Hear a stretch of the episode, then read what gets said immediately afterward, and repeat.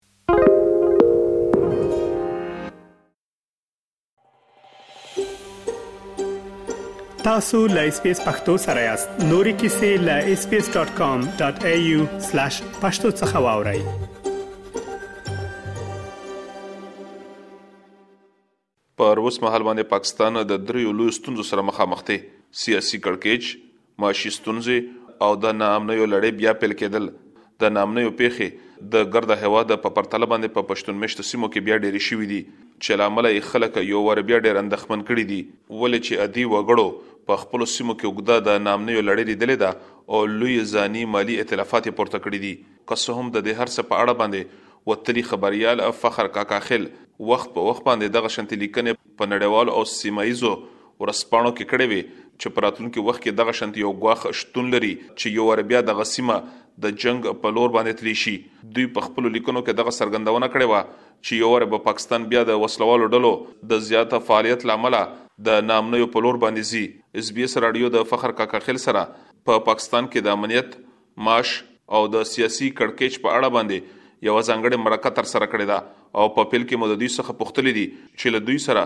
کوم هغه اساسي معلومات وو چې دوی وخت په وخت باندې د دې اندېښنې څرګندونه کړې وه چې یو وارې بیا پاکستان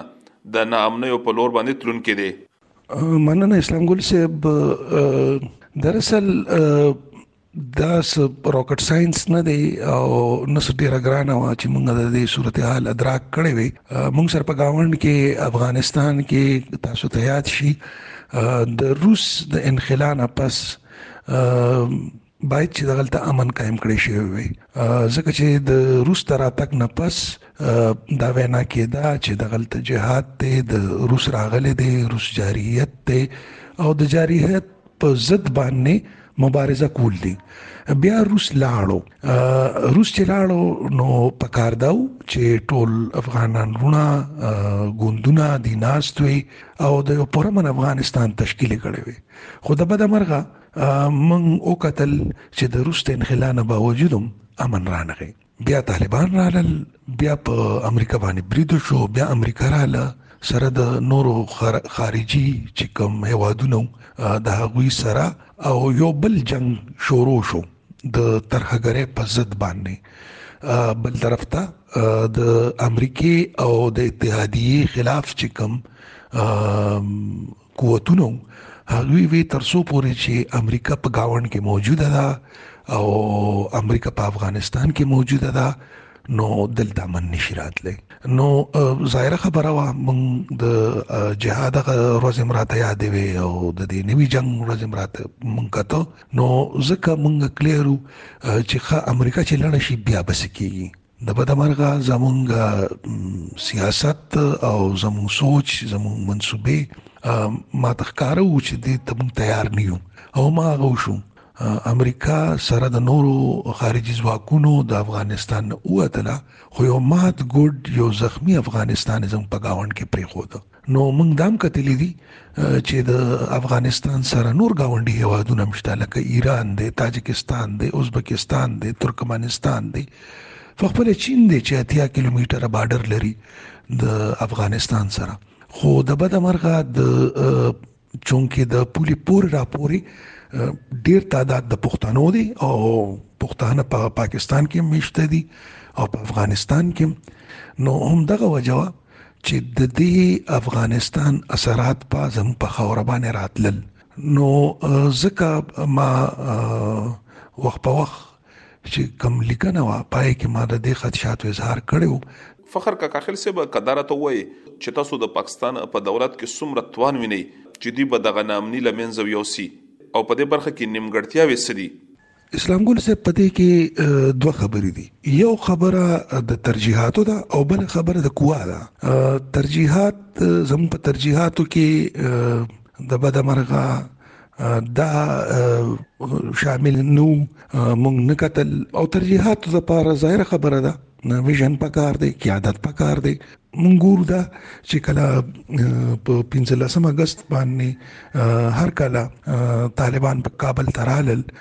نو تاسو هم قتل او دنیا هم قتل چې د پاکستان خبريالان او دلته په پاکستان کې خلکو خوشاله کولې او وینا کېده چې دا د ازادۍ جنگو د دی وګټه لکه ښکارې دا داسې چې دا فتح د دی فتح ده او په هغه ټیم کې زمونږ د خلک پریشانو چې دا خو ظالمانو دا اور کور ته راوړی او لکه داسې شو چې مطلب ته پکې فريق جوړيږي او ته دا پیغام ورکې دنیا ته چې دنیا ته دا ماته ورکړ نه پاکستان ورکړ یا د پاکستان عناصر ورکړ نو دا پردي جنگ یا د پردي کار پړه په خپل غاړه باندې غشتلو نو دا او د دې بنیادی وجه دا و چې د ویژن کم نو زموږ په ترجیحاتو کې ما ته نخکاری دا چې دا دومره سنجیده معاملې تاسو خپل قومي رسنیو ته وګورئ الته هوسم په داسې بد حال کې چې جنگ بالکل په سر راغلی دی په او دا نه چې په خیبر پښتونخوا کې دا واقعیات شو په سند کې روان دي او په پنجاب کې روان دي د سمود وړاندې ځنې پیښې داسې وشوي خو اوس هم که تاسو قومي رسنۍ وګورئ نو پای کې سیاسي یا سیاستمداران چې کوم دي ای خپل خپل ایجنډي مخې لوړي قومي ایجنډا مونږ سره مخه لرانه ده د نېشنل اکشن پلان په شکل کې تر څه حد پورې هلې ځلې شوې وي خو بیا مونږ وکتل چې مونږ ځان بالکل پای باندې سترګې پټې کړې او غزه مونږ د ترجیحاتو نه لري شو او دا یو حقیقت دی چې په پاکستان کې پیښه وشي بس یو څو ورځې پس یې راشي د یو بلې پیښې انتظار کیږي ما تر څه ښکاری چې دغه سیستم په ترجیحاتو کې نه دی او دا غي نقصان دا دی چې جنګ سر ته راغی او اوس هم خلکو کې یا زمونږ په کم چې دا سیاست مداران دي پارلیمنت دی یا حکومت دی نو هغه کې هغه سنجیدګي نشته د سر دویمه خبره د قوا چې څنګه ما وې د قوت ته چونکه ترجیحات هم نشته او ویژن هم نشته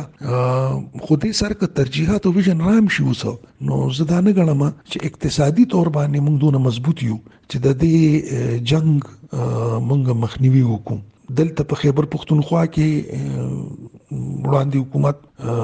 ته خو د تنخواګانو مسله مو په قبایلی سیمه کې وینا دا کیږي او ګیله دا کیږي چې کوم مقامي خاصدارو او پولیس کې برتي شوی دي نه غيوم حق د اف سي ار د لاندې او د پولیټیکل د لاندې چې کوم نظام یعنی لکه سرکار د طرفه ته ټوپک هم نه دی ورکړی شوی بل طرف ته هم ګورو چې د امریکای د وتونه پس وسلوالو ډلو سره کم چې د ریاست په ضد جنگيږي هغه سره د حکومتي چې کم پولیس ته یا نور امنیتي ځواکونه دي داینه خو اصله او درنه اصله موجوده ده نو ځکه زه پریشان ډیر یم چې د امنیت ټینګار بسنګ راځي بله پوښتنه کاکاخیل صاحب دغه ده چې په افغانستان کې د طالبانو د واکه د سمبالښت ورستو اسلام آباد ډېر خوشبینه وو او دغه هیله کې ده چې د ترهګرۍ مخنیوي به هم وشي خو اوس دغه سنخ کوي او نامني ورځ په ورځ سیوا کیږي زه دا غواړم چې په د هوادونو منځ کې اړیکې قومي اغراض باندې او اجتماعي مفاد باندې قومي مفاد باندې نو پاکستان خپل مفادات دي او ظاهر خبره ده افغانستان خپل مفادات دي دا خبره خو کې دي شي چې د پاکستان چې کوم یاره وا چې کوم د مغربي بارډر د کوم طرف ته چې افغانستان دی په الته کې د دشمن قوتونه د خلاف کار کول شي خو اوس خو چونکې طالبان رالل تر کومه حده پورې چې دا تاوتریخوالی دی دا یي او دا صرف د پاکستان سره نه دی د تهران هم دغه تاوتریخوالی د موجوده طالبانو سره موجود دی د تاجکستان هم دی د ازبکستان هم دی هلته هم په بارډرو باندې مسلې شوي دي خو چونکې رسني هلته رسني دونه ازادي نه دي په دغه ملکونو کې یا سوشل میډیا هغه شان ده نه څنګه چې په پاکستان کې ده دلته یو ډېره وایبرنټ میډیا ده نو خبر زر خبريږي مو زور مخلي نو زه دا غنم چې دا به وخت سره سره دا به سر ترسي خو پدې کې یو خبره ده نړیوال چې کوم هوادونه دي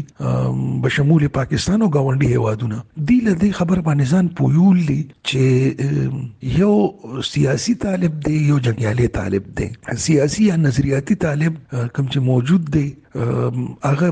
باید چې پوه شي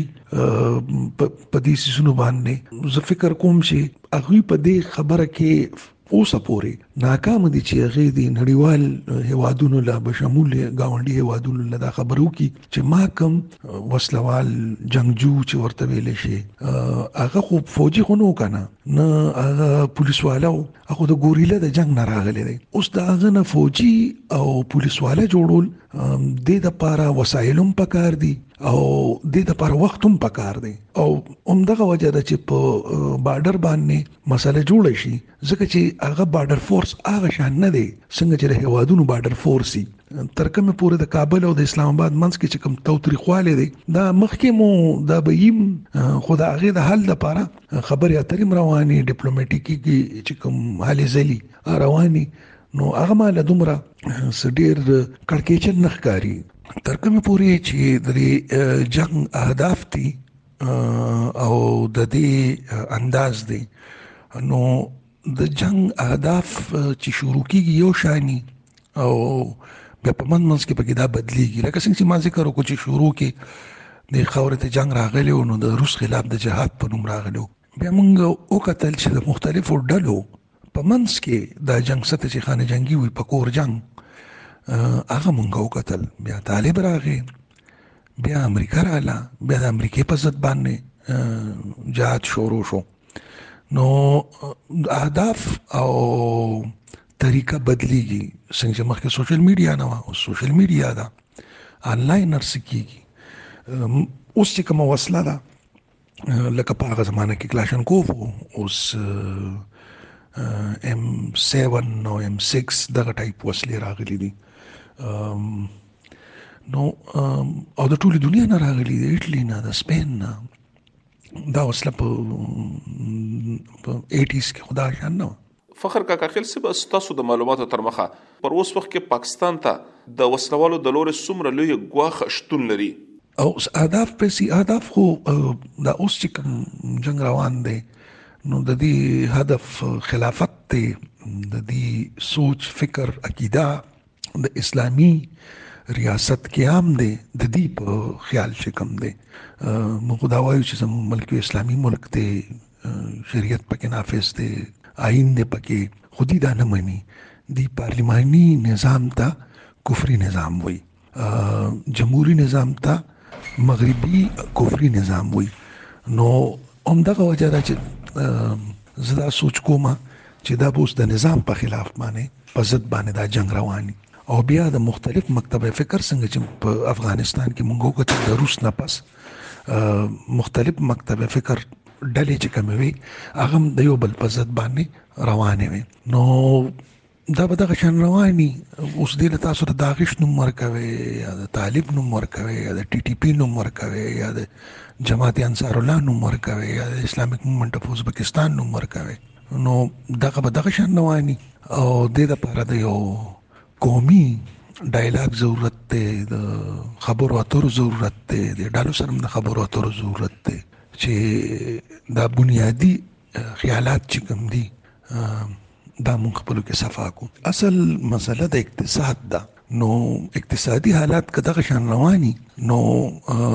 دا د دنیا اصول داسې دي چې هر کله اقتصادي حالات خرابېږي نو جرم سیوا کېږي نو نه صرف ترهګري یا بدامني دا به سیوا کېږي جرم هم سیوا کېږي دا خو یو نون فیکټ دی ځکه چې سپیس میلو شي خلک تنګ شي نو په جنگ شي هغه طبيعت مختلف پلیټ فارم دي مختلف داغه انداز دي چې دا اظهار به کوي، خدشه دا ده چې دا به د دغې اقتصادي ستونزې په پای کې مېجر کردار ادا کوي. کوم ځای پورې چې اداري دي، نو د ادارو کار امنیت هم دی، ورسره سیاسي ټینګار هم دی. پکار دا دي چې دا سیاسي انتشار ختم کړی شي، ځکه چې دا به په راروان جنګ کې د دې ډېر مهمه کردار وي. نو ړومبی کار خو دا دی چې کور کې خپل کور دې ټیک کړي، دا سیاستمداران خپلو کې کینی او ادارو تم په قهر دي چې په طریقې سره دا سیاسي انتشار کم چې دی لاسو کې دی چې دا خو سر تور سي کنه او دا شان اقتصادي ټینګار دی راولي په دې ملک کې بیا کار مخ کې د وسلوالو په ضد باندې د حالو زلو دی د مخکیم کړی دی لکه داسې خبره نه ده چې نشي کولی ده او فخر کاکا خېل چې د اس بي اس راډيو سره يې په پاکستان کې دامنيت، معاشي ستونزو او د سياسي کړکېچ په اړه باندې خبرې کولې. لکه څنګه چې تاسو له دوی په خبرو کې واورېدل چې پاکستان پر اوس مهال باندې د دغو دريو لويو يادو ستونزو سره مخامخ دی چې له امله يې اوس خلک چې اوس يادي وګړي د دغو دريو واړو ستونزو له امله ځپل کېږي. اسلام ګل افريدي، اس بي اس راډيو، پېښور. اس پی اس پختو په فیسبوک کې تا کې پلی مطلب یو فاک کړئ نظر ور کړئ او له نورو سره شریک کړئ